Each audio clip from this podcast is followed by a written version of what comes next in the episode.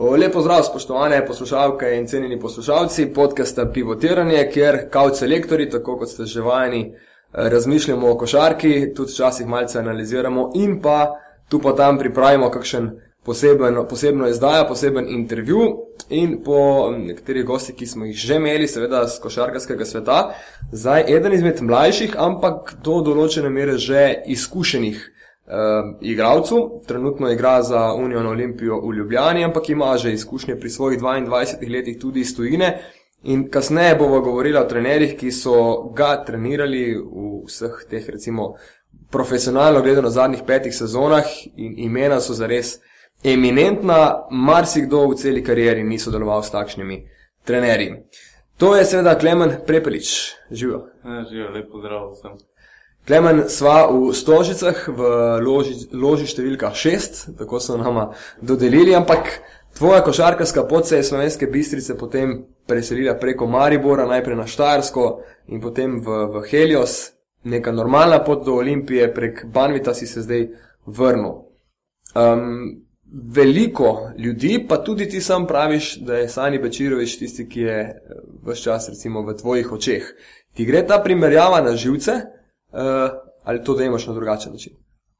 Ma, sigurno je neka primerjava z takšnim igralcem kot je Sani Bečirovič, ki pač, kot sem že stokrat povedal, v Evropi usvojil vse. Uh, sigurno en laskavi naziv, ampak da bi šlo meni to neki na živce ali kaj podobnega, sigurno ne to je neka čast in kot vsi pozabljate, sem tudi jaz igral za Zlato Roklaško, kot je to. Točno je. Z, mislim, da z 11 leti sem šel ok. Uh, odigral celo 4 leta in pol, polna v, v, v, v Laškem in se na to preselil komi v Maribor. Tako da sem šel tudi v Maribor, kot ton, bil sem tudi v Olimpiji, potem je pač on šel v Kinder, jaz sem šel v Bavit, zdaj sem se ponovno vrnil v Olimpijo. Tako da je dosti podobna pot, eh, bom rekel, tudi način igranja je dosti podoben, ker se pač od malih nog eh, sem gledal njega.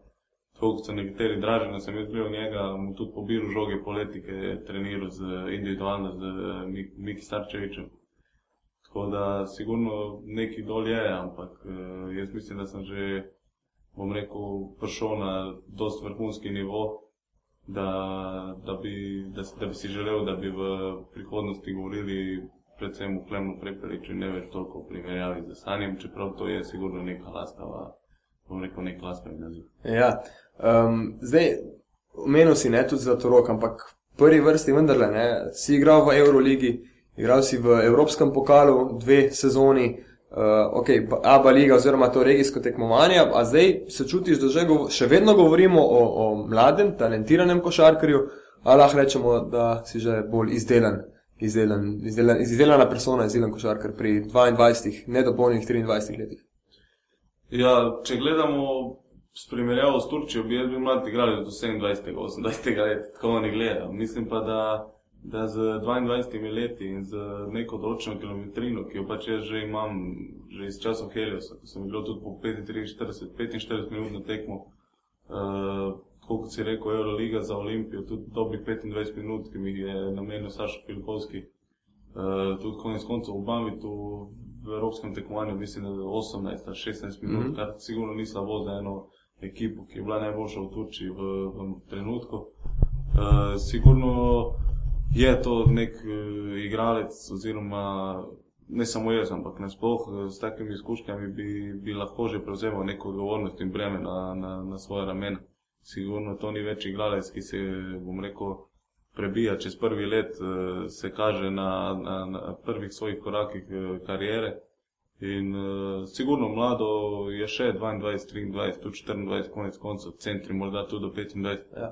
Ampak uh, bom rekel, prej začneš. Uh, prevzemati odgovornost in uh, sam odgovarjati za svoje dejanja in znaš prevzeti uh, tudi krivdo na sebe, prej boš postal večji košarkar. Ja, ker stroka pravi, da načeloma naj bi se košarkar razvil tudi nekje do 23, 24, 25 let, tukaj naj bi bil nek, neka, neka vrhunec, mogoče no, ne ravno zrela leta, ampak. Tukaj naj bi šlo to, ker vsak posamezen šport ima uh, svoje neke zakonitosti in zahteve. Ne? Vemo, da se gimnastičari razvijajo še bistveno prej in tudi karijera je potem navadno krajša. V, v košarki naj bi bila ta leta, v katera zdaj prihajaš. Je zato po tvoje, kot si omenil Turke, lažje v Turčiji biti mlademu, recimo turškemu košarkarju? Ja, sigurno. Ker so določena pravila. Ja, ne samo mlademu, ampak tudi ostalim turškim igralcem. Do prejšnjega leta smo imeli pravilo, da morata biti v vsakem trenutku dva turška igralca na parketu, kar je pač eh, ne samo dajalo večjo sigurnost Turkom, ampak tudi večje pogodbe, kar je konec koncev pomembno v karieri vsakega košarkarja. Tako da tukaj sem tudi jaz zgubil ogromno minutaže, predvsem v turškem prvenstvu. In vsi so se spraševali tudi, zakaj je v Evropi po 16-18, tudi po 25 minut, v turškem prvenstvu pa 10-12. To je enostavno zato, ker sem imel na poziciji 2-3, ki je danes v bistvu skoraj podobna. Ja.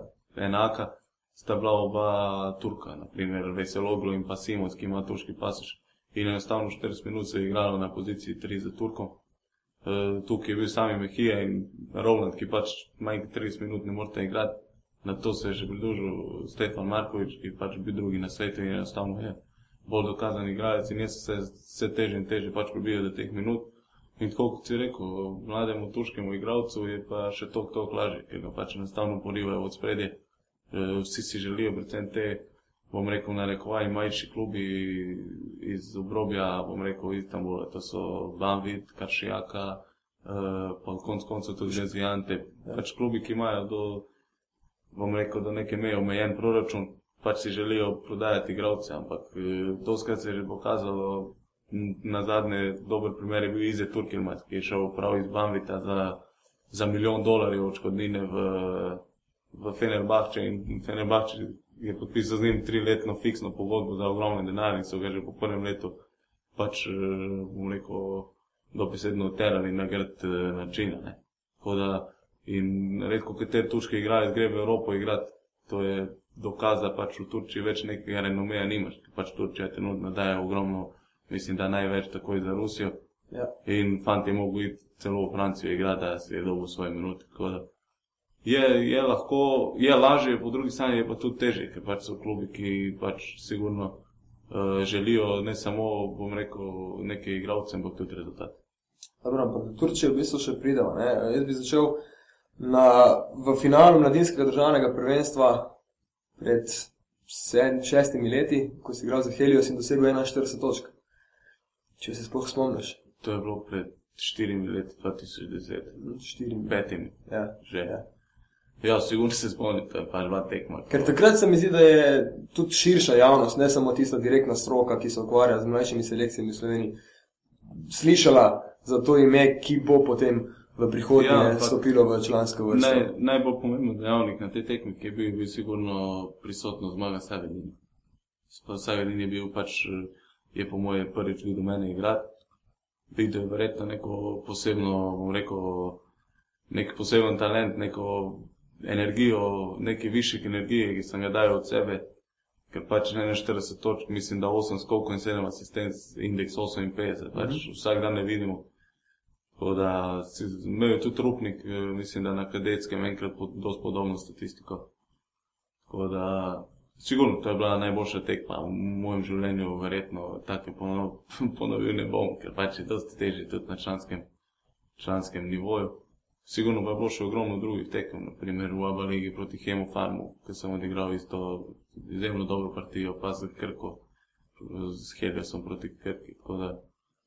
Ampak to so drugi časi, v Heljasu sem imel dosti več svobode, kot si sam rekel tam. Je pač bilo enostavno vse podrejeno meni, klub, ki pač nekega rezultatskega, rezultatskega bremena ni imel. Gre se za preživetje in pač zmago je naredil vse, da da, da, da klubu pomaga tudi iz tega vidika.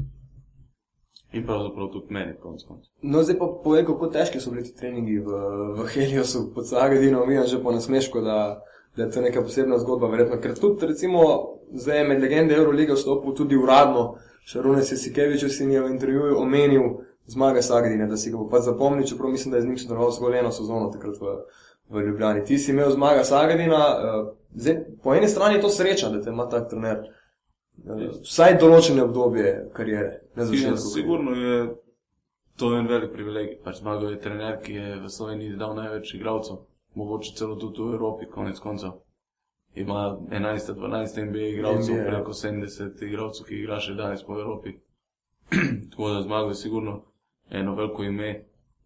Uh, in pa treningi, pač to je bilo, mislim, da celo nerealno. Pač. To je bilo po, po petih zvečer sestanek do pol sedmih ur, pa pol, bom rekel, ustavljene za vsako malenkost. To je video analiza, verjamem. Video analize in potem trening od pol sedmih do včasih tudi do desetih. To je pač bilo neki, neki bom rekel, bom rekel, za nas mlade še sprejemljivo, za nekatere starejše pa pač enostavno so se poškodbe pač eh, kopičile ena za drugo. Sigurno zmago je to, to je edini zmagov način, da on lahko pride do rezultata. Zato se tudi vedno gradi okostje ekipe Mm. na, na mladih igravcih. In pač kdo to zdrži in kdo pač ima ta privilegij oziroma bom rekel, to, to možnost, da mu zmago da vse v svoje roke, je bil, bom rekel, obdaren v življenju, ker pač ti enostavno ne moreš, da ne bi izlezel iz tega, iz te ekipe kot nek, bom rekel, nadpoprečen igralec. Ni, ni pa možnosti, neverjetno, da se skriješ v kakšnem kotu v dvorani, ko je Salman No, trener. to je, bom rekel, ne nemogoče, ampak tudi če si dolg, se ne bi mogel skriti. Pač zmago vidi vse, pozna ogromno ljudi, pozna vsak tvoj korak, če, že, če le hoče. In pač namesto, da bi ljudje, koliko slišim, ga pljuvajo okrog, bili srečni, da pač imamo tega trenerja, ki pač daje to, kar pač daje, bom rekel, Sloveniji. Kljub temu, da pač je tudi morda celo uničil kakšnega igralca, ampak vse je to bilo z nekim namenom in kar on dela, on ve, kar počne. Tudi eh, konec koncev na zadnje Olimpija imela vrhunske rezultate z Dovcem, top 16. Sigurno je to pač povezano tudi s financami, ampak ko je bil zmago, je pač to bilo neka ekipa, ki je, ki je sigurno delala čudo. Ja. Bi si povedal, kako da si sploh pristal v, v Heliosu, kakšne so bile takrat možnosti, s, si se posvet, s kom si se posvetoval, kdo ti je predlagal Helios? Ja, takrat je bilo dost, eh, dost pogovora. Šel sem, v bistvu sem bil v Mariboru skupaj z Fermetom, ki je trenutno član Rogaške. In takrat je bil še Miča Gavrič, ki ga pač malo starejši morda celo poznajo. Eh, Pač mi trije smo bili v tisti mladinski ligi dosti dominantna trojka. Zmagala nam je ena zmaga za, za, za Final Four, ampak to smo predvsem krivi sami. Eh, Po drugi strani pa, pa se je vse skupaj začelo leto prej, ko sem pač eh, proti dve leti starejšim tudi dal po, mislim, da 23 točk v finalu državnega prvenstva in smo tudi osvojili v Mariboru. In pač igral sem to, bom rekel, takrat je bila prva B, danes je druga liga pod uh, taktirko Bakšiča, ki je moj prvi trener, ki mi je dal ogromno možnosti tudi uh, na tem čanskem noju, takoj za Perkičem, ki mi je dal že v tretji ligi s 15 leti, uh, tudi po 30 minut na tekmo. Tako da začelo se je predvsem s tem turnirjem Nike International Junior Tournament, ker sem šel za, za mlade Olimpijo z Španom, Morino, Radulovič in to generacijo in smo se uvrstili na, na tisti Final Eight v Parizu. In takrat sem bil tudi v, v pogovorih z Olimpijo, ampak takrat je rekel uh, gospod Prokir, da takšnega igralca pač ne rabi v svoji ekipi. Sigurno je bila še takrat prioriteta mladinska ekipa v prvi članski ekipi z Juritom Zdovcem, takrat neke, rekel, večje vloge ne bi imel, Ožbol Tiljevski, mm -hmm. ta ekipa, ki je tudi bila konec koncev top 16 Eurolige. Ja, Kenny Gregory. Kenny Gregory, David Bertans. Sigurno in poli tu se je javil Dejan Čikič, ki je imel mene kadete v 14, v 16. Smo ga tudi gostili v reprezentanci. pilotiranju. Ja. Uh, in je izrazil eno veliko željo. In dost velik faktor je bil tudi Rado Trifunovič, ki je pač si tudi želel pač dva, tri mlada igralca, dodatek eh, k članski ekipi, da se pač lahko začne graditi tudi za, za naprej. In to je bila tista, bom rekel, tisto leto, ko je Helio spremenil ta način vele, malo večjih pogodb. Uh, izpadli so iz Aba lige, to sezono so igrali Albin Snov, uh, Laškevič, ostala so samo Žerak in Zagorc. In prišli smo ogromno pač teh, bom rekel, mladih, Brankovič, Korošec, eh, jaz, eh, Gorjanc, konec koncev. In pač je tu Dejan Čikič odigral eno veliko vlogo in res so se potrudili, pač, eh, da, so, da so me pripeljali. Plačali so tudi primerno odškodnino in tako sem se zdaj dobil. In v bistvu je bilo polverjetno zelo pomembno ta minutaža, ta svoboda, ne na zadnje, ki so imeli v igri pri, pri Magu Sagadinu, eh, pri tem članski selekciji. Jaz se spomnim, ko smo že takrat šli par tekem pogledati tukaj do domžal, se je že vedlo, ok, Klemen Prepelič, ampak on lahko počne skoraj da vse v napadu. Tako je izgledalo s tribune. Ja, kot sem rekel, pač uh, zmagal je meni povedal, da že takoj na začetku, da, da je on pri meni opazil. Jaz sem prišel na priprave za, za 14-dnevno zamudo, ker sem pač bil takrat prvič del reprezentance pod uh, Boždarjem Malkovičem. In uh, je on meni tako na začetku povedal, da imam pač nekaj, kar ima redko kdo, to je, bom rekel, pregled nad igro in velika jajca, kar pa v Sloveniji tega ni. Uh, tudi mogoče reprezentanca je dosti izgubila zaradi tega, ker tega pač ni bilo tako, je on meni dejal. In jaz sem takrat vedel, da pač nekaj mora biti na tem, ne bo meni kar tako govoril tri dni. In vse skupaj se je začelo že s prvimi tekmami. Uh, sicer je takrat bil na moji poziciji Sandy Čebul, uh Mhm. -huh. ki je se vračal po težki poškodbi, ampak je kazal, bom rekel, ogromno mero napadalnega talenta. Tako da, bom rekel, je bilo sigurno se težko prebiti, spomnim se tekme, ko je v Kranski gori, ko sem že, že prebil tisto linijo za štarterja, da pridem pač do prvih pet in je Sandy dal sedem trojk, mislim, da v prvem poču. In pač tako, kot ljudje mislijo, da je pač to bilo kar dano, ne? to je daleč od tega. Jaz sem se mogel, uh, bom rekel, imel boriti primerno z konkurenco v bistvu, ne? 18 Ja. leti, pač eh, vsak trening 3 ure pa pol zjutraj, 3 ure pa pol zvečer, 1 na 1, 2 na 2, 3 na 3, 4 na 4, 5 na 5, non stop, garat na vseh tekmah daje svoj maksimum. In pač uh, redko kdo ve, da sem bil tudi kar nekajkrat na infuziji tisto sezono, skupaj z Veseličem, ki ga je tudi porival v spredje in Črešnjarom. In pač uh, zmagal si zadal neko filozofijo, to so bili uh, DJ Gay, jaz in uh, Blaž Črešnjar, plus Veselič ali Markovič. To so bili štirje, ki jih je želel ponuditi v spredje. In morda celo zaradi tega nihče od njiju, Mar Markoviča in Veseliča, ni prišel v to, bom rekel, ta preskok naredil, ker pač je enostavno nista imela toliko zaupanja. Mislim, ni imel toliko prostih rok, kot sem jih imel jaz.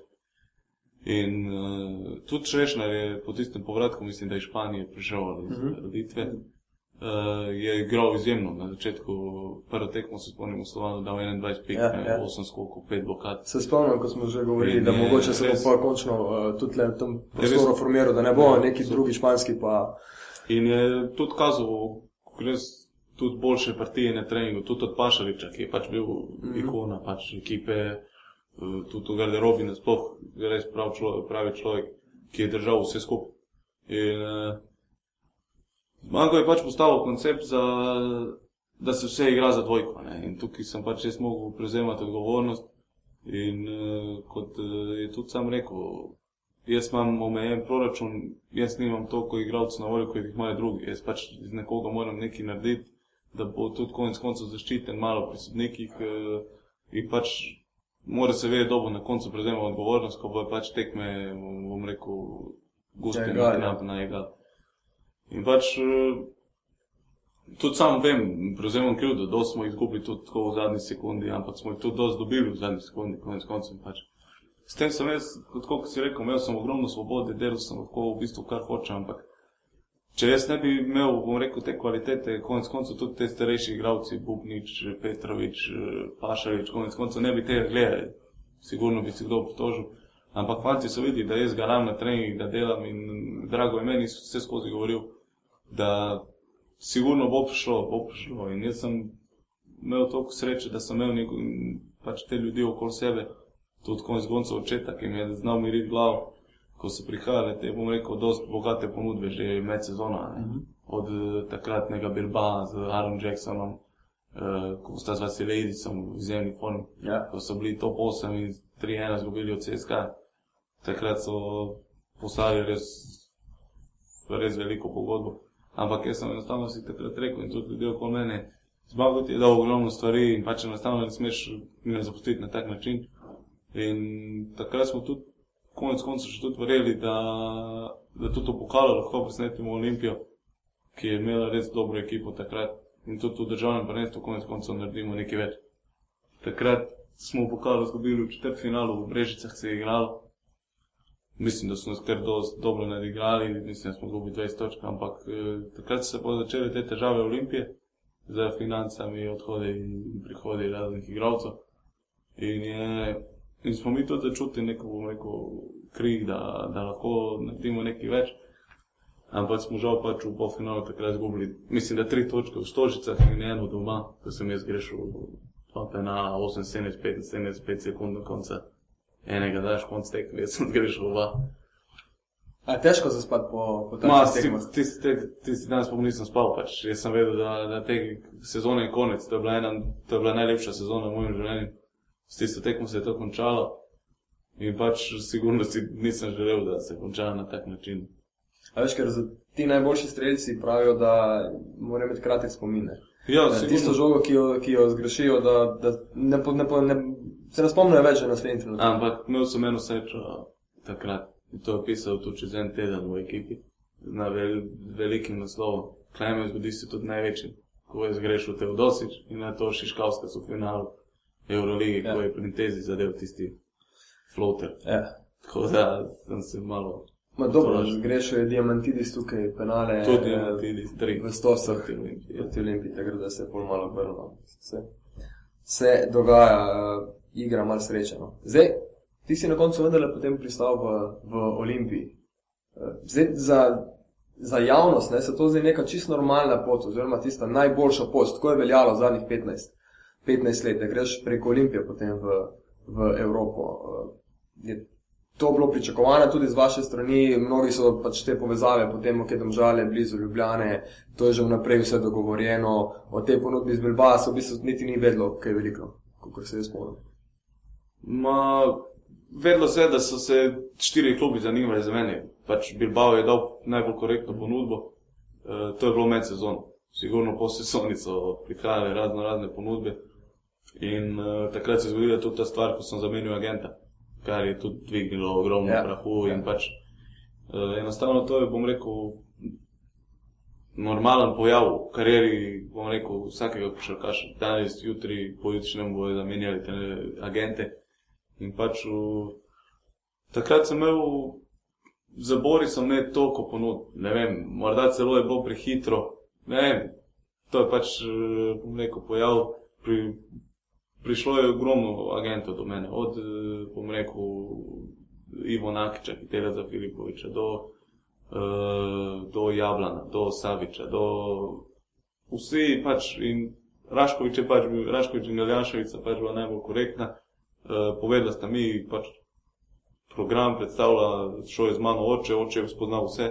Njemu sicer bil Savič eh, najbolj pri srcu, mm -hmm.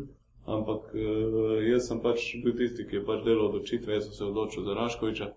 In pač v trenutku, ko se je pač to spremenilo, je naenkrat prišlo na vrata, ne vem, tri, štiri korektne ponudbe.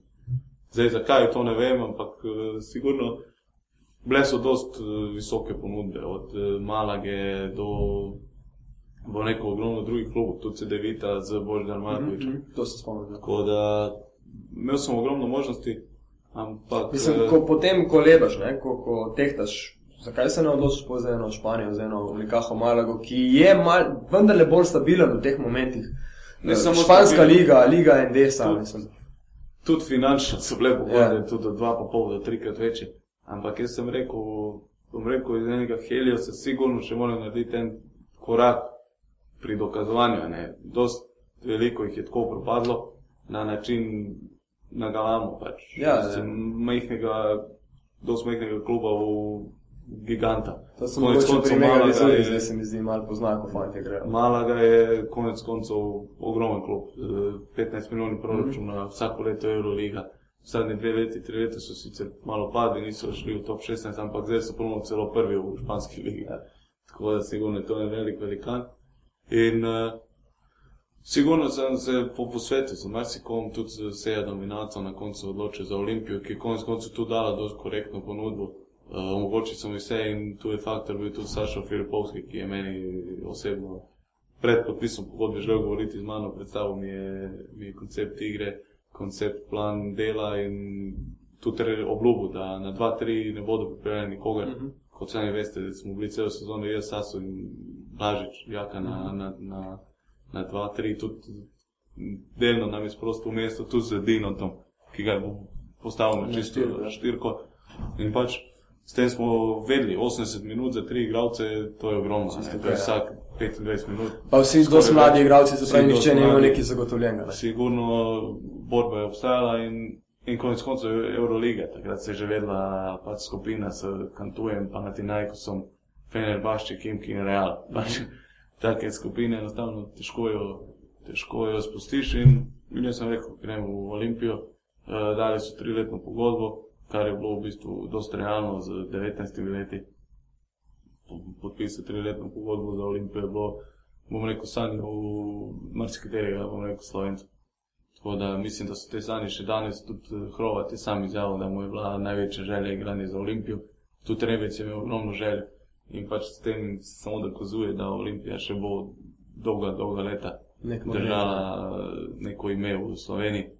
In samo želimo si lahko, da tudi uh, letos eh, pač vrnemo to, to trofejo v, v Ljubljano. Po štirih sezonah državne slave. Petih. Petih. Uh, je imel zmago, kakšno besedo pri tem, si z njim kaj govoril, ker v bistvu je Saša Filipovski njegov učenec. Ne? Uh, Zmago mi je tudi že čez sezono dejal, da mogoče tudi suto, da, ali pa misel, da bom pač zapustil Helios. Mhm. Sigurno, to so pač bili klubi, ki so bili pripravljeni odštevati tudi to ogromno odškodnine. Kar bi pač Helios zahteval, to bi oni plačali. In s tem me je tudi nekako pripravil. Uh, on ni bil v bistvu samo fizični dejavnik, on je bil tudi rekel, preko psihe, uh, dal mi je dosti tudi življenjskih izkušenj. Vse je bilo ogromno, pač tudi grdih stvari. Ampak eh, ob toliko, bom rekel, toliko danega, koliko človek pač lahko da tebi, ti tudi na marsikatero, bom rekel, grdo stvar pozabiš. In uh, konec koncev za te grde stvari vem jaz, pa še par mojih najbližjih. Niste, niste obračunavali tako kot si uh, To- Saša to- Bradovič pri Arbi. In pač uh, bilo je že tudi na robu tega, včasih, ampak uh, vsi ljudje vidijo samo ono najlepše na koncu. Nihče pa ne vidi tistega odrekanja in milijon drugih stvari, ki si jih pač mogel početi, da si pač Mhm. prišel do, do tega, kjer si danes. Zdaj z Olimpijo si na nek način spoznal, ne? Evropo, Euroligo, um, imel si Play of the Night po asistenci Jake Blažiča izpod obroča na, na tisto fantastično trojko proti, Him, proti Himkiju in takrat dosegel tudi, mislim, da svoj največ, največji rekord v doseženih točkah 16 proti, Ja, proti, takrat, proti Rusom. ne samo tista trojka, bila je tudi trojka prej za, za, za, za priključek. In spet prijemo do tega, ko en velik igralec, kot je Pridzon, zgreši dva prosta meta. In pač, sigurno je bila to ena full lepa sezona, pač, eh, ki je pač žal nismo kronali, dobili smo ta pokal, ampak eh, bom rekel, dokler je bila ekipa na, na mestu sestavljena tako, kot je bila na začetku, z enim velikim kiksom na mestu playmakera, kar bi tisti, ki pač tudi ne spremlja košarke. Smo bili, mislim, da celo tretji ali četrti na tabeli, po pa se pa začeli te odhodi Pagea, pa Watersa, pa konec koncev tudi Bensa. In je bilo ogromno, bom rekel, teh menjav in ekipa se pač težko sestavi. Tudi letos je dokaz odhod uh, Begiča pred Bešiktašom, odhod Salina pred Dionom. In pač eh, to so pač stvari, ki, ki sigurno mešajo neke stvari. In pač eh, tudi Euroliga, konec konca, ne, tudi za vas so šel ta top 16. Po zmagi v Kantuju smo imeli šest točk prednosti proti Feneru, tri minute do konca, mm -hmm. poškodoval sem Mekele, kar sicer nihče ne privošči, ampak vseeno nam je šlo ogromno na roko in, ja. in Bari Šermis zadane tri trojke iz kornera. Ne vem, kdaj jih je na to zadeval, ampak mojem, ja. to so pač bile stvari, ki, ki bi lahko že z to zmago narediš, v bistvu si že z eno nogo v, v tem top 16. Tako da, sigurno smo imeli ogromno lepih trenutkov, ampak smo imeli tudi ogromno tako, bom rekel, pacev, pa, pa težav z denarjem, pa sto drugih, bom rekel, dejavnikov, ki jih pač ljudje ne vidijo. Ljudje samo Ja. plovajo pač ta rezultat. Dobro, ljudje pač pridejo na se tekmo enkrat na teden ali pa enkrat na 14 dni in si tak, takrat ustvarijo svoje mnenje. Se pravi, če boste zgrešili par penalov, zato pač, za primerjavo, to se v Turčiji ne dogaja. Ne? To pač, za primer, tudi uh, Banvit, ki je imel lani 15 milijonov proračuna, ekipo sestavljeno iz, rekel, 12 enakovrednih igralcev, ki je zmagal doma en Kalov iz Stalina za 50 točk, prvo tekmo in šel v Talin in izgubil tekmo. In v tem primeru, ko ti v bistvu dobesedno prinesejo kriti vse, uh, plačo dobiš na datum, če želiš še vnaprej, uh, potuješ vse posod z pač, najboljšimi stvarmi, si v najboljših hotelih, uh, vse imaš v dvorani, vse, kar se pač ti zaželi. Takrat ti pač pričakuješ od nekoga, da, da bo pač zdaj prišel do tebe in ti rekel, no, Ja, ja. pač neka graja, ampak tega se pa to se tam ne zgodi. Ne? Tam se zgodi uh, z spodbujanjem naprej, to sploh nima veze. Ne? V, čez vikend nova pomembna tekma, v sredo imamo novo tekmo. Vsi samo gledajo naprej, pač te slabe stvari pozabljajo, lepe stvari si zapomnijo. Ampak to v Sloveniji je enostavno vse drugače. Takoj se začne plovati vse in jaz sem imel željo, da bi enkrat lahko to povedal. Kako je pač to v drugih državah, jaz vem za Turčijo, marsikdo ve za kakšno drugo državo. Tudi eh, konec koncev prijatelj Močnik je povedal na Kosovo, Ja. ki tudi ni takšna država, košarkarska, ampak tukaj bi lahko pač ljudje malo bolj, rekel, cenili, kar imajo, še tisto, kar imajo, vsi pluvajo Olimpija, Olimpija, ampak konec koncev Olimpija je edini klub, ki nas zastopa v evropskih tekmovanjih. Letos imela ogromno možnost, da se morda celo vrsti tudi v Euroligo. Ampak to so vse dejavniki. Eno je igrati pred 5000, 6000 gledalci, eno pa pred. To so to, 1500. domačega igrišča, prav posebej In- vročega, roko na Ja. srce je Olimpija. Pač žalostno nima. je, da pač eh, kljub dobrim rezultatom, v bistvu na začetku sezone proti ekipam, ki bi naj bile malo manj aktualne. Konec koncev tudi zadar je bil ABA liga prvak z Popovičem, premagal Makabijo v Tivolju in pač pride 600-700 gledalcev. Sigurno je to. Tudi nam, igralcem, ni lahko, pač treniraš za to, konec koncev mi igramo za ljudi, ne? Ja. ne igramo za sebe, ampak igramo za to, da bi pač nekomu pokazali to, kar ti delaš čez trening. In pač ljudje pač tega enostavno v Sloveniji več ne znajo ceniti in to je tisto, kar je najbolj žalostno. Zdaj, če smo že pri Turčiji, no, vse smo se že prej malo obrengali ob to. Banvit, Bandirma na severozahodu Turčije, uh, pogod, ponudba je prišla, ko si bil na reprezentanci.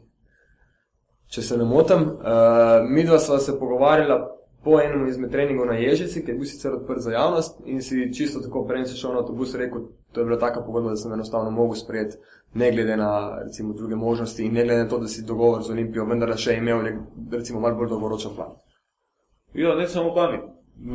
Bom rekel, da sem s svojim agentom govoril takoj po sezoni. Jaz sem rekel, gledaj. Bi, bi ti bilo verjetno- kaj žal, če bi ostal takrat v, v Ljubljani? No, so te opcije bile ali si dejansko vedel, Jaz da sem nekam, takoj nekam po greš? sezoni rekel, da Olimpija bo verjetno dobila vajet kart Evrokupa, ekipa se bo verjetno po odhodu Blažiča v zvezdo gradila okoli mene uh Mhm. -huh. in Omiča, ki smo pač imela dolgoročno pogodbo. Uh, on še tri leta je še dve in njim je enostavno ni preostalo druge kot mene polnil v tisti prvi plan, kot je bilo pri Heljusu, dosti podobno. In uh, v tem času so prihajale razno razne ponudbe, sicer ne toliko finančno ugodne, ampak bom rekel, tu dosti večje od Olimpije.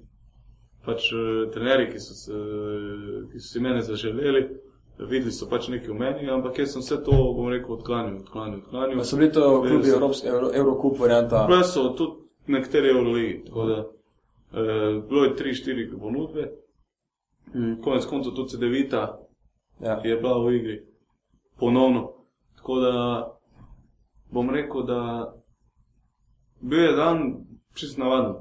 Bili smo na, na reprezentanci v Rogaški in v, v, v hotelu Sava pač v jedilnici ni, ni signala. In jaz pridem po kosilu, ki je rekel Božo, da uh, pač čitek, uh, obvezen in pol trening, pridem gor deset grem klical od agenta. Jaz vem, kaj se je zgodilo, jaz pokličem in, in tako mi pove, eh, kao, uh, da bi šel v Turčijo. Jaz rečem, Pač, uh, takoj, ko sem slišal za Turčijo, ki se je Okay, pač ja. Se že prebuja. finančno začela dosti prebujati, ekipe so na veliko kupovale. Ja. In je pač bilo sigurno zanimivo. Ne? On mi je pa povedal ime tudi z Dimitris in kar Normalno. vsi vemo. Nekateri vedo danes, jaz sem vedel že takrat, kdo pač je to. In mi je rekel, da me bo tudi osebno poklical, sem rekel, ok, pač ne me pokliči. In Dobro, on- tudi smo je poklical, mi pač predstavil program. Večletna pogodba na svoji poziciji Mehijo, ki je izjemen igralec, MVP Turške lige lani, eh, tudi NBA izkušnje, ja. CSK, velik klub. Uh, 12 do 18 minut na tekmo, treningi, vrhunski, usluge, vse, kak se zareče. In konec koncev tudi ponovno želja po igranju v Euroligi. Brez so lepe možnosti za kvalifikacije. In sem več rekel, da se pač pogovori se z njimi in obvesti Olimpijo. Ne. Meni sigurno ta opcija zanima. Uh, oni so bili pripravljeni plačati odškodnino, kar so tudi korektno naredili. Ponudili, bom rekel, ogromen denar za, za v bistvu takrat še 21-letnega, bom rekel, mm -hmm. fanta. In enostavno pač uh, temu pač ne reči ne moreš. To je enostavno bilo, bilo preveč. No, dobro, vrhunski trener, ki je sodeloval pri tem, ki mi je pač ki, ki... rekel, da se bo, pač, da se nimam zabavati, sigurno se je mogel sam preigrati, ampak eh, nekaj je zagotovljeno. In pač vse je bilo na začetku ok, vse je bilo super, eh, tudi pripravljene tekme po 15, 16, 17 točk. Na, proti ekipam, kot so Ritas, Bamberg, pa potem Darušafaka, pa Kimki v Istanbulu, fulmočen turnir. Kako in... si se znašel prvi teden v, Mbani? Tam je kar velik sam muslimanski. Skupaj sem prišel z, z Čakom Davisom. On je ikona kluba, on je tam vse. On je od leta 2009, mislim, da že tam je vse kapetan najbolj šel. Ne, kapetan je Simons, ampak on ja, je ja, v bistvu ja. isto, ampak Čak Davis je pač tista faca, ki pač vse povezuje. Ne? In je sigurno takoj me sprejel nad pričakovanji, zelo je kot malega brata. Tako je pel na, na vse, na kosilo, na večerjo, vse smo bili skupaj. In potem je prišlo še do tega, ko sem spoznal tega fizioterapeuta, ki je bil srb, rojena delja, živita zvesto. In tudi Gavrilovič Dušan in pa Kučo, ki me je vzel tudi. Ki je bil v Sloveniji, igral za Laško. Ja. In je pač nekaj videl v meni. In to je pač s tem nek dokaz, da, da, da vseeno jaz sem nekaj takrat že naredil, da oni so v bistvu vedeli o meni. Uh mhm. -huh. Vedeli so stvari, vedeli so, kje igram in prav v bistvu so pogooglali, pač, kdo sem jaz. Ne. Sigurno njim ni vseeno in sprejmejo vsakega v bistvu. Kakšen pač si, oni tebe sprejmejo, ni tu nobenih predsotkov. In pač, kot sem rekel, bila je ekipa dosti izkušena, razen mene in šafaka, Edge so bili vsi, bom rekel, 25 ali starejši, plus dodatki teh mladih, ki so mm -hmm. pač mhm. trenirali z nami. In pač enostavno so ti te starejši igravci odpirali oči in jaz sem se v tem bavitu naučil ne samo košarkarsko, ampak tudi, bom rekel, življenjsko eh, ogromno stvari. Kako je bilo v bistvu za življenje tam, imel si vsaj na začetku, mislim, eno dosti veliko hišo, ker si živel? No ja, imel sem v bistvu stanovanje penthouse od 4,5 sob tudi tri kopalnice, tri balkone, dali so ti pač, kot sem rekel, vse dobesedno. Si to sam zbiral ali to je že čakalo? Pač pa... to so oni. To so se peljali, so te v krog, pogledali si 4-5 stanovanj, rekel si, katero ti je všeč, takoj si dobil avto. Uh, in v bistvu vse, kar si pač rabo, kar ti srce poželelo, to so ti dali. In uh, tudi, naprimer, jaz sem prišel 30. augusta, dal mi je po, ko sem bil izpadel iz reprezentance, mi je tudi dal 4 dni frej. 30. augusta sem prišel in uh, tako je bila, bom rekel, zabava od 1700 ljudi za, za sina od, od uh, predsednika, predsednika ki je pač postal moški po muslimansko. Aha. Tako da je, je bila cela ekipa povabljena na te jaz, kot trenerji in pač sem jaz to videl, sem rekel, fak, kaj se to dogaja. Pač. to sem pač prvi doživel in enostavno že takoj prvi vtis na tebe naredijo, ono, ja. uh, da veš, da je to pač nekaj novega, ne nek korak naprej, da je to organizacijsko in tudi, bom rekel, rezultatsko malo večje od Olimpije. In sem vedel že takrat, da pač odločitev sigurno je prava, da, da vse kaže na to. Potem so sledili te turniri v Bambergu, pa v Atenah, pa v zadnjem v Istanbulu pred Vilniusom. In takrat sem pol dobil to stanovanje, do takrat sem bil v hotelu, uh, tako kot si rekel, ogromno. In uh, bom rekel, da konec koncev ni bilo tako težko, od mesta je mehko, spominjalo me je dosti na domžale. Ljudje so te poznali na vsakem koraku, na ulici so te ustavljali. Pač se tam je košarka tudi bila. Edini šport, ja. nogomet imajo v tretji ligi. Tako da eh, leto prej so bili v finalu z Galata Sarajevo in si so pač pričakovali neko nadgradnjo ekipe in vse Dobro, pripeljali so verjetno trenerja, za katerega so vedeli, da je zmagovala vse živo in bilo je res lepo, sigurno. Dodatno, da bi še igral, bi bilo perfektno. Si na začetku sezone si. Vse sem rekel, na začetek je bil super, tudi bom rekel, začetek Evropupa, prvi del Evropupa, sem mislim, da 9 točk preče in 10 indi. Kar je pa za 15 minut, pač ne dobro, ampak izjemno. Uh, in bom rekel, da takrat so se tudi javljali, tudi razno razne ljudje iz drugih krogov. In uh, pol je pač prišla tista, bom rekel, poškodba. V bistvu bom rekel tako. To je skrbno, za meč. Ja. Dva meseca nazaj, predtem, ko sem se jaz poškodoval, se je poškodoval Simons in takrat se je sprostilo mesto. Takrat sem jaz dobil 7-8 minut, dosti več na tekmo. In takrat sem jaz začel, to je bilo mislim, da 22. novembra sem poškodoval in jaz sem cel decembr imel prečo 15 točk, da sem po 23, 21, 18, 12, 15, vsak tek. In je pač tudi predvsem čut, da bi izjemen. Tam je pač drugače. Igravci, ki kreirajo za tebe, da ti namestijo ti žogo in pač na tebi je, da zadaneš. In trener mi je rekel, treba igrati samo v obrambo in igral boš svoje. Jaz sem odigral, bom rekel, dosti korektno v obrambo. Tudi Trojde Vrisa, ki je bil prvi strelec lige Turške, sem ustavil na 7 točk v 28 minutah. Da, ki zdaj igral konji, ja. Pa še kar mislim, da po 19 zabija.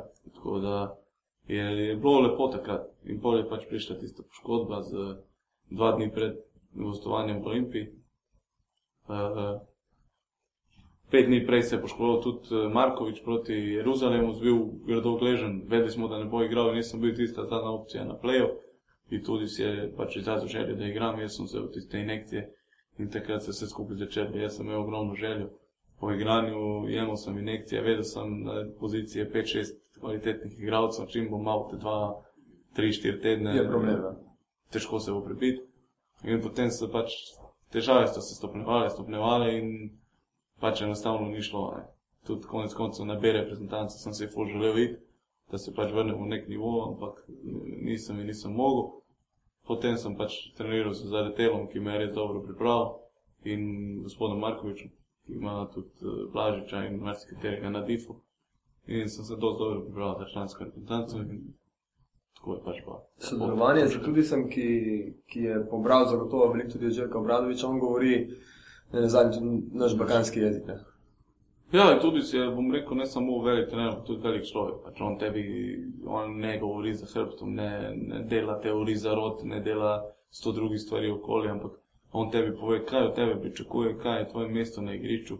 Tu se ve, da Mehija, Roland, sta prva opcija na pike, Rolo, druga sem jaz in to je to tretji, tretjega ni. Uh mhm. -huh. In pač to so igralci spoznali, Simons, veselo, ko sta vedela obramba, skok napadov, šut, ko si sam, čak Davis, kreiranje na low postu, čak, prav tako kučo, Jeve Rozer, trojka in ostali pač spremljali. In pač to se je držalo in to je pač dajalo rezultate. Pač ekipa je vedela se na koncu, dobri smo, mislim, da sedem, sedem tekem, manj kot tri točke razlike, ampak to se je vedelo.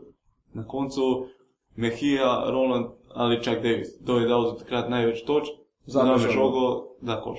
In to se pač enostavno, nikoli se nismo dobesedno zajemali. V Trabzonu dajo koš 7 sekund do konca, rovno da mi žogo, da takrat da mislim na 26 točk, gre do konca koš malo. Mhm. In to je najbolj vroči igralec pa. In to se je pač vedlo. V ekipi se je vedlo, bilo je spoštovanje tisti en trening na dan, od 4 do 6. Se pravi, si v bistvu padel iz nekih treningov dvakrat na dan? Ja, ni bilo več. Tudi na Olimpiji si imel verjetno tako, da si bili polski. Ja, je bilo dosti, dosti treningov, ampak vam uh, to prva stvar je, da, da so to dokazani igravci, igravci, ki so malo starejši in enostavno rabijo več počitka. Jaz sem delal individualno tudi zjutraj, z ekipo sem treniral enkrat na dan. Eh, po drugi strani pa tudi ogromna potovanja, dolga mhm. po cel dan, kar sigurno utruja igralce.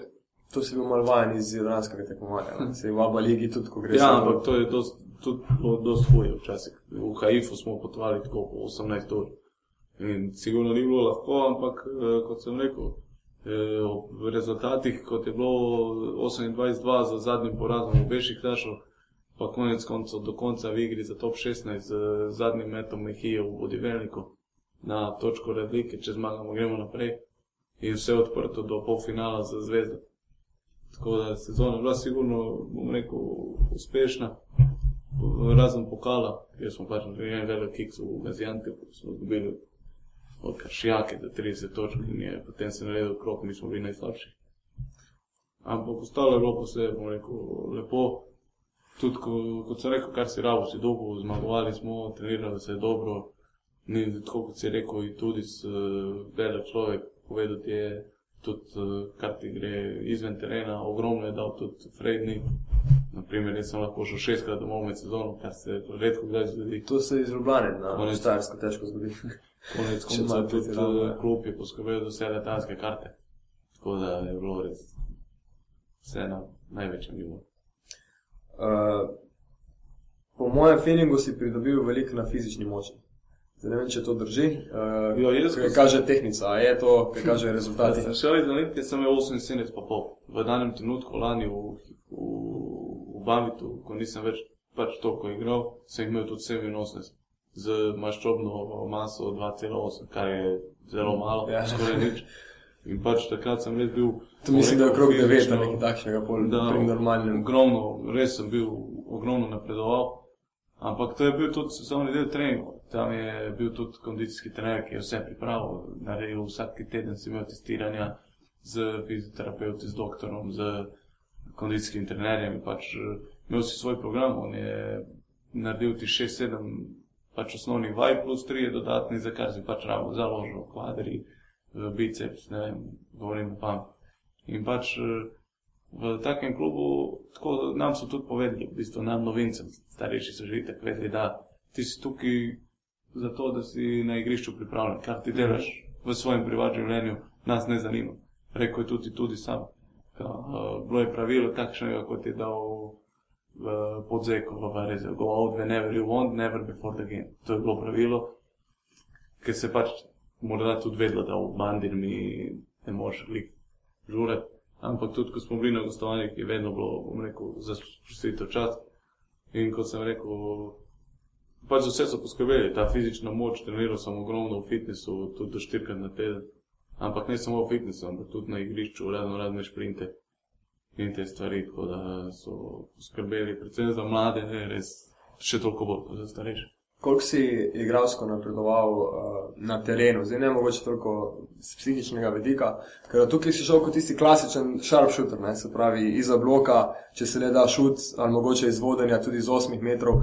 Zdaj, ko to spremljamo letos v Olimpiji, je bistveno več kreacije v tvoji igri. Je to po sili razmer v Olimpiji ali je to bil podarek že mogoče v Turčiji, pa nismo tako spremljali, uh, ker pač ni, nismo uspeli vsak teden gledati tekem.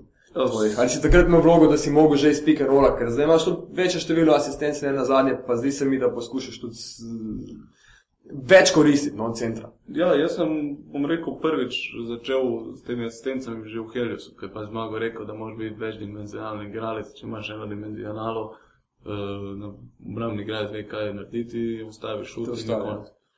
Po drugi strani v Olimpiji se, smo imeli z Filipovskim, ki ima izjemno rad pick and roll igro. Uh, predvsem jaz in Blažič, Saso niti ne toliko žogo v igri in uh, smo ogromno tudi kreirali, 2,5 do 3 asistence na tekmo. Potem sem pa prišel v ta Blanvit, ker kot sem rekel, vedlo se je Roland in Mekija in potem sem jaz. In pač eh, na treningu je bilo ogromno podarka. Na, na treningu niti niso oni toliko igrali pick and roll, koliko sem ga jaz. Pač, oni so dokazani igralci 30 let. Uh, in pač on na treningu več napredoval, bistveno ne bo, ne. kar on zna, to zna. In uh, takrat je tudi, tudi z meni še večkrat poudaril, da, da, da ga to spominja na Sanja in da mu je on bil zelo pri srcu in da, da pač želi dosti podobnega igralca od mene narediti. Edina pač pomanjkljivost je, da je Sanji malo višji od mene in da lahko igra tudi na low post. Uh, in je rekel, da v to pomanjkljivost jaz moram pač uh, nadoknaditi boljšo obrambo od Sanja. To je pač on dal neko primerjavo. In uh, kot sem rekel, ogromno je bilo podarka na pick and roll igri in tudi uh, na začetku te sezone, ko sem prišel v Olimpijo, nisem imel toliko žoge, pač tudi ne v svojih rokah. Zdaj je Ali postavil tudi eh, sistem, da tudi dvojka lahko kreira in mislim, da je to zdaj dalo nek določen rezultat, pač konec koncev. Tudi te poraze, ki so bili z Bambergom, Bayernom, niso bili hudi porazi, ne? to je pač ekipe, ki so dosti dražje od nas smo izgubili v bistvu za eno točko, s Sastovim prostim bili Mhm. mm. v igri za top 16. Bayern smo bili do konca v igri, s tisto trojko štimca iz Kota. Tako da, ni dal tudi če celo sezono prej. Ja. tako da, ja, kot si rekel, pač, uh, sigurno meni je. Mislim, letos je očitno, no, da iz pika rola imaš, da potegneš Ja. dva nasa in direktno potem recimo na Omniča, če že gremo na to sodelovanje, ker on je letos, sploh v zadnjih, mislim, da ne vem, treh, štirih tednih, parkrat tako fajn zabil. Ja, smo sem tudi talent treniral, bom rekel, res dost tudi ostaja po treningu, gre v fitness. Vidi se, da pač ta ekipa ima srce in željo, pač. Fanti želijo trenirati in dokazujejo se, bom rekel, iz treninga v trening, tudi te mlajši.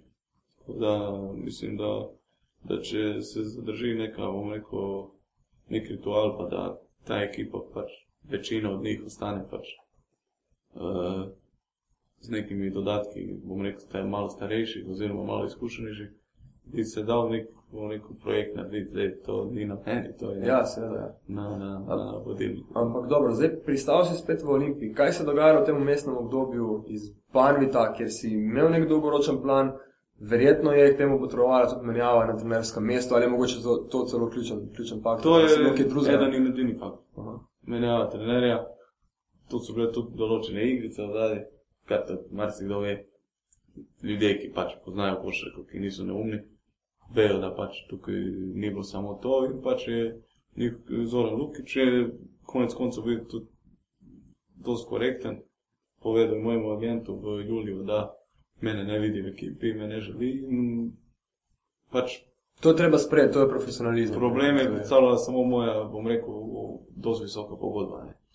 Bambi pač tega ni bil pripravljen plačati, jaz sem vztrajal pri tem, dokler niso začeli prihajati ponudbe. Ni še bilo uradno, da pač sem na, bom rekel, free agent listi, ker Ja. pač nisem bil, ampak so pač popraševanje so vlani. Prišli so radni, radni, Vareze, konec koncev tudi Bamberg. Uh, uh, bila je tudi zvezda nekak, uh, so bili pogovori, pa budučnost uh, pripeljala pole Reynoldsa. Tako da je bilo ogromno, bom rekel, možnosti za, za odhod, ampak enostavno nismo mogli najti skupnega jezika z, z, z, z Bavitom. Pač oni so ponujali smešne številke, ki jih pač enostavno nisem mogel, bom rekel, sprejeti. ne. Tako da Se toliko moraš spoštovati Eh, ne pogodbo, ampak sebe. da- Daleč, globoko v sebi sem pač si želel povratek domov. Tudi Cibona je bila ena velika opcija, ki je dosti korektna ponudba, vse. In uh, Olimpija je pač bila tista, sem pač si želel, konec koncev Eurocup, uh, dosti mlada ekipa, lažje se vklopim. In pač z Banitom enostavno nisem najdel skupnega jezika in me v tistem času svetovnega prvenstva Eh, Vse se je skupaj začelo s temi ponudbami na pripravo, na reprezentanco, ko sem zadeval 6-7 proti Ukrajini, pa 17 točk. eh, eh, Litvi Čakaj, to, to ima dejansko tako močen vpliv, da Ja, se to po je- tej tekmi isti večer ali to pa drugi dan že pojavijo. To je bilo v tem, da prvo tekmo proti Kanadi, niti nisem imel to priložnosti, niti nisem tako dobro odigral. Drugo tekmo smo igrali v Murski, proti Gruziji sem že 5-4 trojke, 14 točk. In pač to se takoj opazi, isti dan je vse posod na internetu. E, konec koncev nisem pol leta igral in Mhm. tukaj je zdaj taka forma. Sigurno je to en faktor Jure, ki je pač res dobro začrtal priprave, dobri so treningi, vse super. In naslednjo tekmo proti Ukrajini šest trojk. Takrat se je pa začelo, uh, potem smo šli na Kitajsko, še tista, bom rekel, najboljša petorka. Zakaj jaz, zakaj ne, to pa vejo oni. Uh, in potem tista tekma v Litvi, tam se je vse spremenilo, ko smo igrali brez Gogija in Domna, 17 točk, 4 asistence in bom rekel, je gala tekma do konca, ki je Kalnijeti zadeval na trojko od table. Takrat se je pa pol začelo res tisto korektno, podzeko napadu, tudi kantu, konec koncev. Ampak, kot sem rekel, ta pogodba pač enostavno ni, ni, ni bilo, to so pač bile ekipe, ki pogodbe izenačiti niso mogle, ne, pač paviti konec koncev finančno izjemno močen klub. Uh, jaz sem prvo leto, niti še nisem imel tako visoke pogodbe zaradi očkodnine, drugo leto in tretje je bilo pa že ono, pač nivo. Ja. rekel, res Eurolige, ali pa še top 16. In pač oni, kot sem rekel, so ponudili smešne cifre in tudi, če bi ekipa, ki me je hotela, pač ponudba maksimum svoj ne bi mogla niti približno izenačiti tega in pač nisem, nisem mogel najti in pol je prišlo svetovno prvenstvo, konc svetovnega prvenstva in jaz sem rekel, fanti, nismo se zmenili, jaz prihajam v bandi, bomo trenirali z vami, dokler pač se Normalno, rešite ja. ne najde. Oni so rekli, da ne, napisali so mail, jaz sem imel pisno dokazilo, da ne rabim v bandirmo. To rabiš imeti, sicer te lahko. In, Uh, ja, takrat bi lahko tudi zgubil denar, Seveda. pač tega ne bi imel, imel sem dokaz. In oni meni niso plačali prve plače, v septembru jaz sem vprašal, pač, kaj se dogaja, zakaj ti bilo plače, jaz sem še vedno vaše gajec in, on, in dobil sem odgovor, your situ- situation is not clear. Zate je vse "Kako jasno." Ni clear, če sem vaš igralec. In, takrat so se pa začeli bolj tisti pregovori. In iz tedna v teden se je pač višala njihova vsota. Ne? Oni so vedeli, pač, da da so plače na so šle ja. 1. september, 1. oktober, 1. november in tako bi mogli plačati. Meni je pa bilo muka, sigurno, treniral sem s Heliosom, za kar sem jim res hvaležen. E, in tukaj še, pač sem spoznal enega res dobrega prijatelja, Jana Irjavca, ki mi je dal tudi konec konca stanovanje, pomagal mi je na več različnih načinov in je sigurno človek na mestu.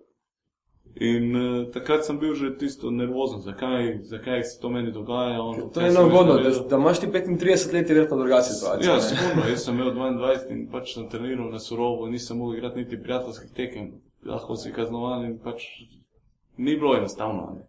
Po pa je pač prišlo, je, vedno se je bližal dan, ko sem jaz tako prekinil pogodbo zaradi nekih izplačanih obveznosti. To sta dva In, meseca, eh, 30 dni. 30 dni celo. In je, jaz sem pač, nisem jih sploh več spraševal, dvakrat sem jih vprašal, tretjič sem, sem rekel, pač, ajde, če ne boste plačali, bomo prekinili. In jaz 1. 2. oktobra pokličem v banko, na mojem računu ni bilo denarja, prekinil sem enostransko pogodbo in potem se je začel problem z letter of clearance. Do tega niso hoteli izdati, kar ni normalno, ampak pač Jaz sem pač zahteval najprej preko Tur Slovenska zveza, preko Turške in oni so rekli, da, da imam pogodbo, ki pač je bila razveljavljena. In uh, tukaj so se spet začeli zapleti, mogli smo iti preko arbitražnega sodišča, že zaradi tega letter of clearance. Mhm. Sem, ampak to je v bistvu konec koncev samo, bom rekel, bedarija. Oni so bojo konec koncev mogli plačati tudi za te stvari vse. To je v bistvu njihov strošek. In zakaj so to delali, vedo samo oni. Mislim, to, to je težko razumeti, ne? In Ker takrat je pogodba stoji, se verjetno vejo, da In takrat je tudi sem se malo bolj tesno začel pogovarjati z Mateožem, z Pančičem. In konec konca šel na pijačo s Pipijo, eh, s Pipano, ki mi je predstavil pač plan, povedal mi je, kar pričakuje od mene. Jaz sem se odločil za Olimpijo, začel trenirati z njimi, dobil sem letter of clearance in vse skupaj predal sodišču, zdaj se bo zaključilo v prihodnjih dneh in ta zgodba je končana. se pravi, računaš, da bo, da bo Banvit, dobro, to, da bo zgubil, ok, ampak to, kdaj, naj, kdaj naj bi se to bolj rešilo? Ja, postopek je že zaključen, mislim, da 15-16 dni, čaka se samo odločitev sodišča, koliko in kaj. To je izplačilo pogodbe, do, ti lahko zahtevaš koliko, potem, ne finančno, ampak koliko časovno. Lahko za dve leti. Tako da, kar bo pa sodišče odreklo. Do, do, določilo to pa je polno na njih. Uh, pol bi se ta razhod ni bil najbolj prijeten. No. Ma sigurno ni bil prijeten, ampak. Glede na to, da si prej imel dosti dober občutek, kar sem razumel iz pogovora. Ja, bilo je vse super, mislim. Tudi, eh, bom rekel, ko je prišla punca dol, so od general menedžera žena povabili vse punce na večerjo. Tisto, kljub temu, da so muslimani naredijo božično večerjo za, za vse igralce, šest tujcev v bistvu naredijo večerjo. In na večerji je sto ljudi iz tovarne, vsi. Pač vse je bilo uno, fakt tukaj ne more biti nobenih problemov. Pač Bolj se je začelo to, zakaj sem povedal, marsikdo ve, jaz tega nočem pač pogrevati. To so pač stvari, ki jih delajo majhni ljudje in tako se je človek odločil, to je naredil. V bistvu konec koncev meni šel na roko. Ja. Jaz sem v bistvu vedel, da igral ne bom tam. Čim je tudi začel. Dve pogodba bo izplačana, tako da jaz tukaj v tem primeru zgubil nisem praktično nič, razen tistega prvega meseca igral. Ja, v bistvu Ki se je sicer poznal še prva dva meseca na moji igri, ampak zdaj se pač kaže, da pač sigurno nisem pozabil igrati košarke in da, da, da še lahko igram na visokem nivoju. Uh, zdaj, mnogi so mislili, da si ti na Olimpiji na odprti pogodbi, se pravi, da boš tukaj mesec, dva, pa da boš potem spet nekam šel. Tukaj boš ostal do konca. Ja, jaz bom ostal do konca, pogodba sicer kakšna je, Zdaj, Vse vseeno. Ja. sploh nima veze, pogodba moja. Jaz še vedno govorim, da moja pogodba letošnja je vezana na Banvit. Tako je. tam je moja plača, za kar pač jaz konec koncev igram. To, kar ljudje spet ne razumejo, zakaj igravci grejo, zato ker pač si mi igramo košarko do 33, 34 leta in potem moraš imeti dovolj denarja, da preživiš. Če ni noben jim povedal, jim bom povedal jaz.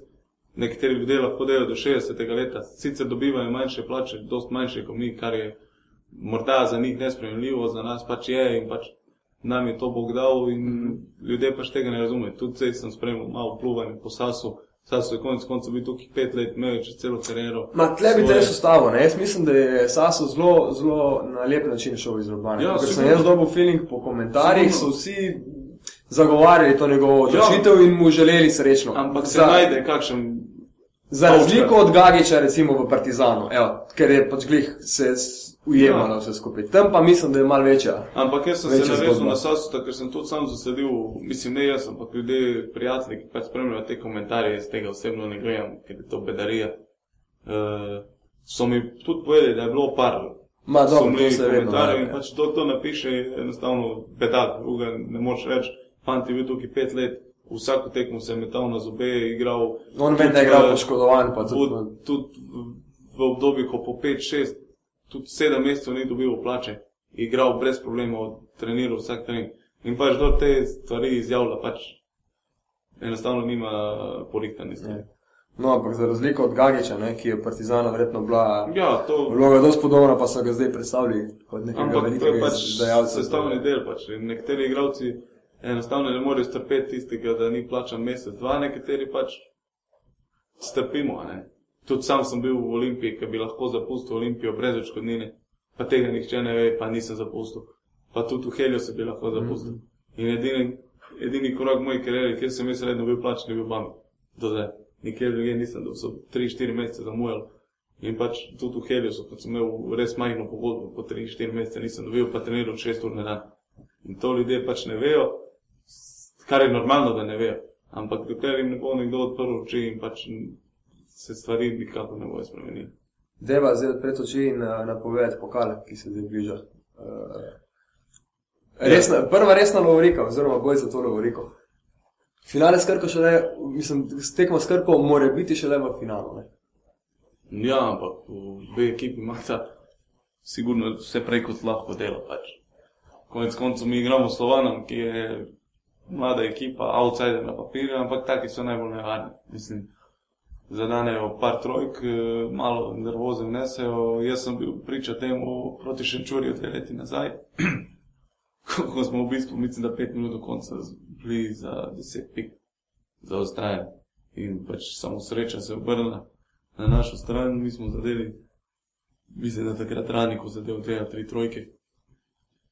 In potem tisti poraz od Krke, ki nam je pač dost uh, odprl pač ta pokalni naslov. Mm. Letos pa je spet dost podobno. Mi Slovan, oni Kolpa, na to bi mislim, da Laško ali še Vi imate Helios Oni tajfun, ali ne, oni imajo tajfun ali Helios, mi pa Ja, Zlatorog pardon, ja, ali Šenčur, sigurno Zlatorog domača ekipa, na drugi strani tajfun, Helios, obe Helios, ki se krepi nenormalno.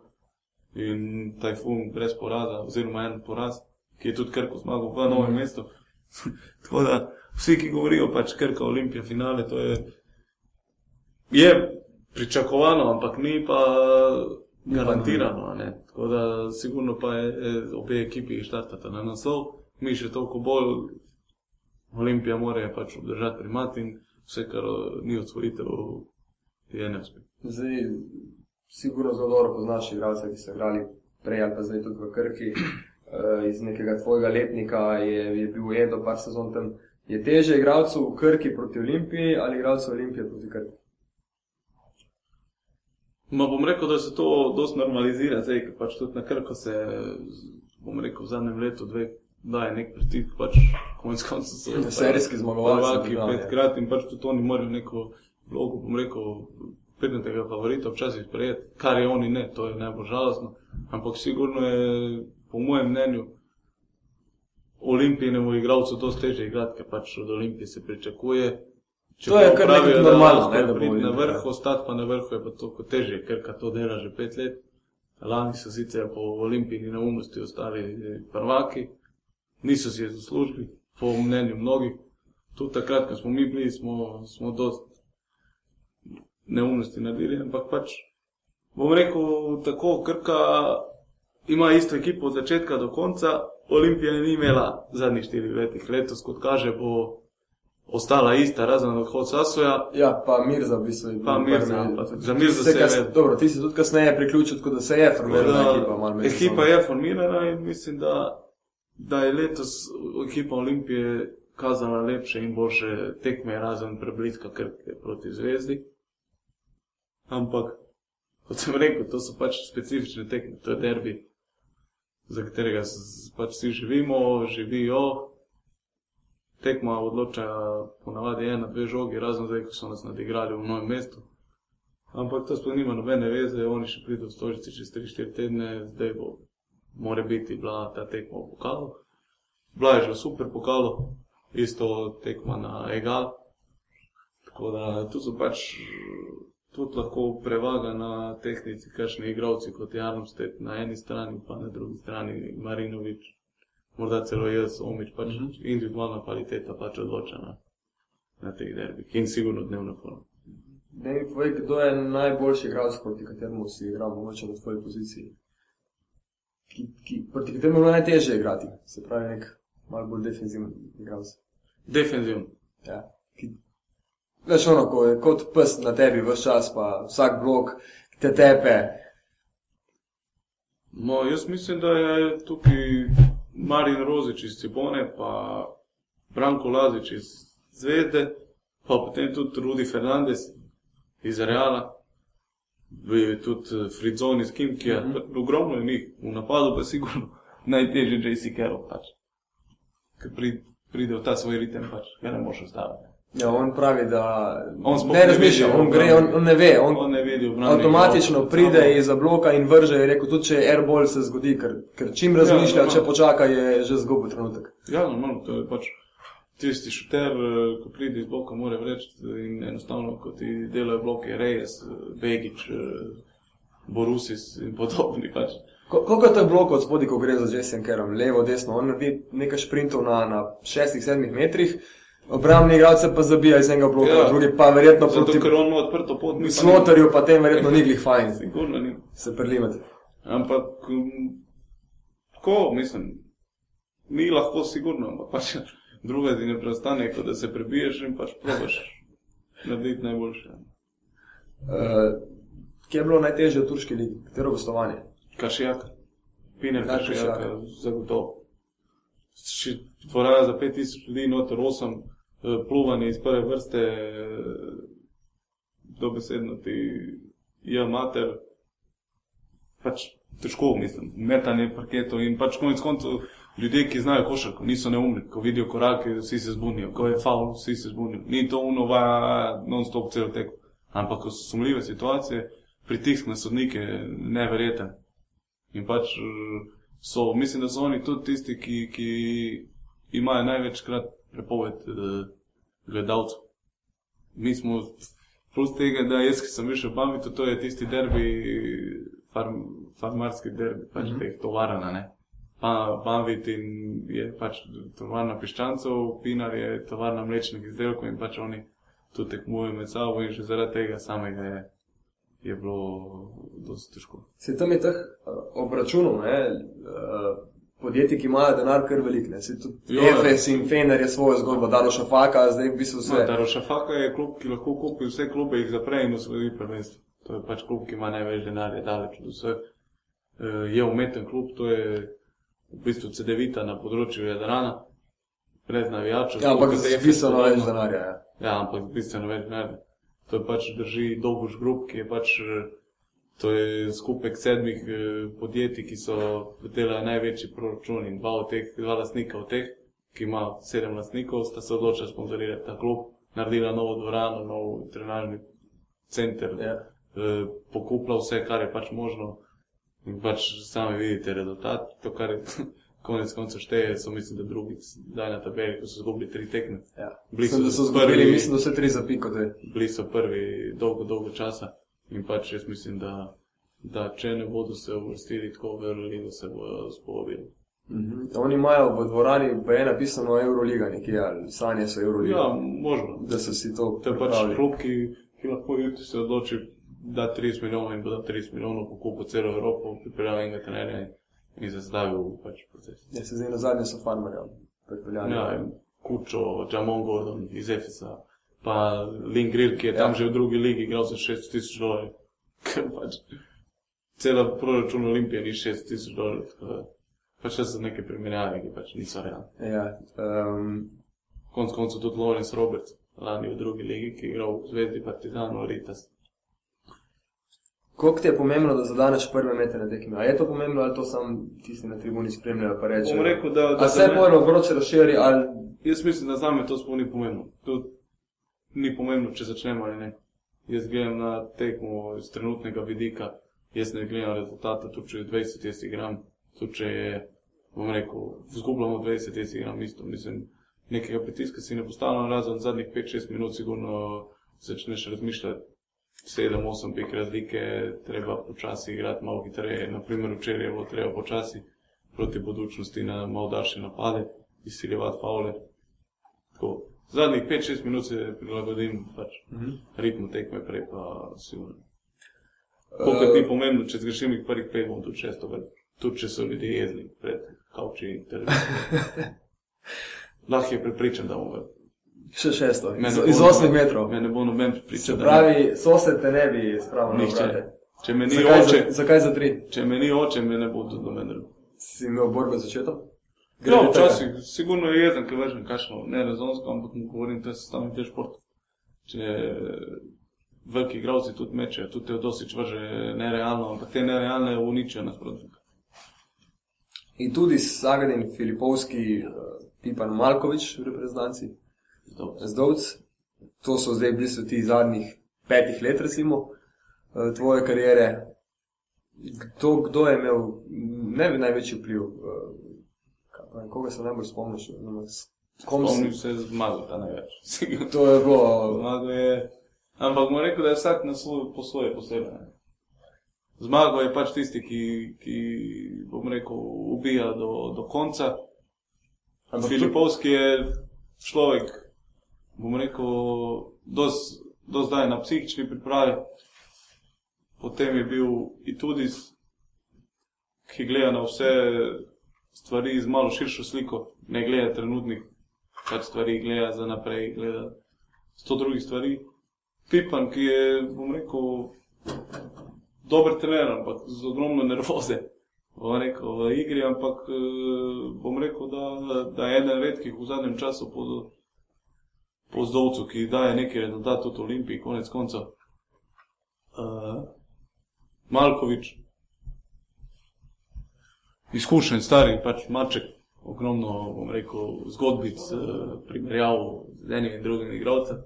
In pa zdovc, poudarjam, na obrambi ni popuščanja, vse posod na na 100% in pač večni zmagovalec. Pač.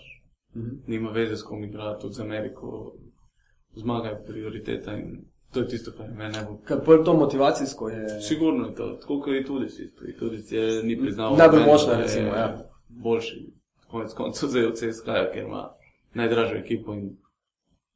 Pač ta, takšni ljudje pridejo najdlje, to, to jaz vedno govorim, tisti, ki so ambiciozni, ki, ki verjamejo v sebe in ki imajo velik ego, bojo prišli, tisti, ki ne verjamejo, ne, nimajo možnosti. Evo, zdaj smo pri tej ambicioznosti v sami reprezentanci. Uh, dvakrat si izletel izmed 12-terice, potem si preko medijev že najavil, da si mal razočaran, prizadet, recimo, takrat pred prvenstvom doma. Zdaj ste se nekako pogovorili in uh, teh zamer naj ne bi bilo več. Ampak, uh, Ma, problem je bil v tem, to, mislim, kje je bila ta težava v bistvu takrat, ker pri tako mladih letih se tako hitro odločaš, v bistvu, da, da ne bi zdaj več z reprezentanci tako sodeloval, kot je to pričakovano. Sploh glede na to, da v Sloveniji takih košarkarjev nima veliko, je v javnosti, veš, da je to bilo slišano malo mal nenavadno mogoče. No. Jo, sigurno je bilo nenavadno. Bilo je iznenada, bilo je tista vroča glava, mlada, neumna. Ampak eh, sigurno sem bil prizadet, pač eh, tiste, tiste priprave nisem imel praktično nobene možnosti po, bom rekel, da se dokaže. Razen na začetku, ko pač je Jaka bil poškodovan, Gogi še nismo igrali. Ja. Sem pač igral, pa še to na pleju, ker nisem igral nikoli v svojem življenju. Pač Božo je, je nekako v bistvu, morda si celo, to je zdaj razumem iz pač malo širše slike, ker sem prišel iz tudi od Itudisa, ki pač dela širšo sliko. Si je verjetno delal nek prostor za svoje igralce, v bistvu igralce, ki si bi najbolj zaslužili uh, tisto, rekel, mesto v 12 terci. Uh, In prav je tako pač, on se je odločil za. V bistvu, realno se vsak selektor odloči že pred pripravami za tistih 11-12 fiksnih. Morda kakšna sprememba zaradi poškodbe. Ja, pa če pride poškodbe. Ampak to je pač tisto. In pač takrat sem bil sigurno prizadet, eh, konec koncev podpisal sem ogromno pogodbo, bil sem malo neumen, govoril uno. Veš kako je, ko podpišeš nekaj velikega, pač misliš, da ti nihče nič ne more. In pač vse, pol sem se upravičil, mislim, da je javnost to sprejela, konec koncev tudi na tem prvenstvu in celo, bom rekel, akcijo sem na zadnje dajal svoj maksimum, mislim, da dajal eden redkih nadpričakovanj. In pač eh, z veseljem sem se odzval reprezentanci, ker je pač Dovc eh, meni predstavil pač stvarane. Rekel je, sam si boš pač boril, nihče nima nič zagotovljeno, tudi uh, igravci, ki so naj bi bili, sigurno niso. Kdo pač bo v danem momentu na mestu, pač bo na mestu. In takrat sem jaz se malo pozanimal, vedel, vsi so govorili, da zdaj vzje garač, ne da nobeno nič. Tako, Se pravi, si lahko zaupal, ne glede na to preteklo izkušnjo. Konec konca tudi mi je šlo na roko individualno, da sem se lahko pripravil na, na novo sezono, dobil sem možnost, predvsem na teh tekmah, izkoristil sem tisto, kar Gogi nismo igrali na začetku. In konec koncev lahko igral samo pet tekem, mislim, da pa še to na začetku bilo tri, pa pol pet. Mhm. In pač neke do- dane poškodbe so mi dale možnost tudi po 25-26 minut na tekmo, kjer sem spet pač pokazal in konec koncev tiste ponudbe, ki so bile laskave, za katero se nisem nobeno odločil, pač so prišle s tem namenom. Ne. Tako da reprezentanca je sigurno ena lepa stvar in pač eh, z neko korektnostjo in dolgoročnim delom za mene tukaj ni problema, da se ne bi odzival. Dobro. Um, proti komu je bilo težje igrati, proti Gogiju, proti Zokiju? V obrambi proti Gogi, v napadu pa proti Zoki. Gogi je pač napadalec, vrhunski, konec koncev tudi v obrambi, ne me narobe razumeti. Ampak Zoki v obrambi grize pač, vse na telo, močno.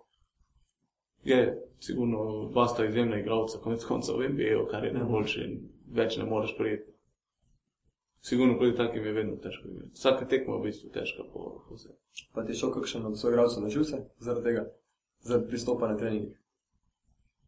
Ja, imel sem, mislim, na vsaki, vsakem klubu pride do, pa tudi v ekipi pride do, bom rekel, iskric, ampak bom rekel, vsi igralci, nisem še spoznal igralca, ki bi bil uh, tako, bom rekel, govno po svoje, kot človek. Kot, vsi so bili po svoje dobri, ampak konec koncev to je borba za kruh. Ti, ti z boljšimi igrami dobiš boljšo pogodbo, dobiš boljši standard v življenju in pač to je nekaj normalnega. Pač.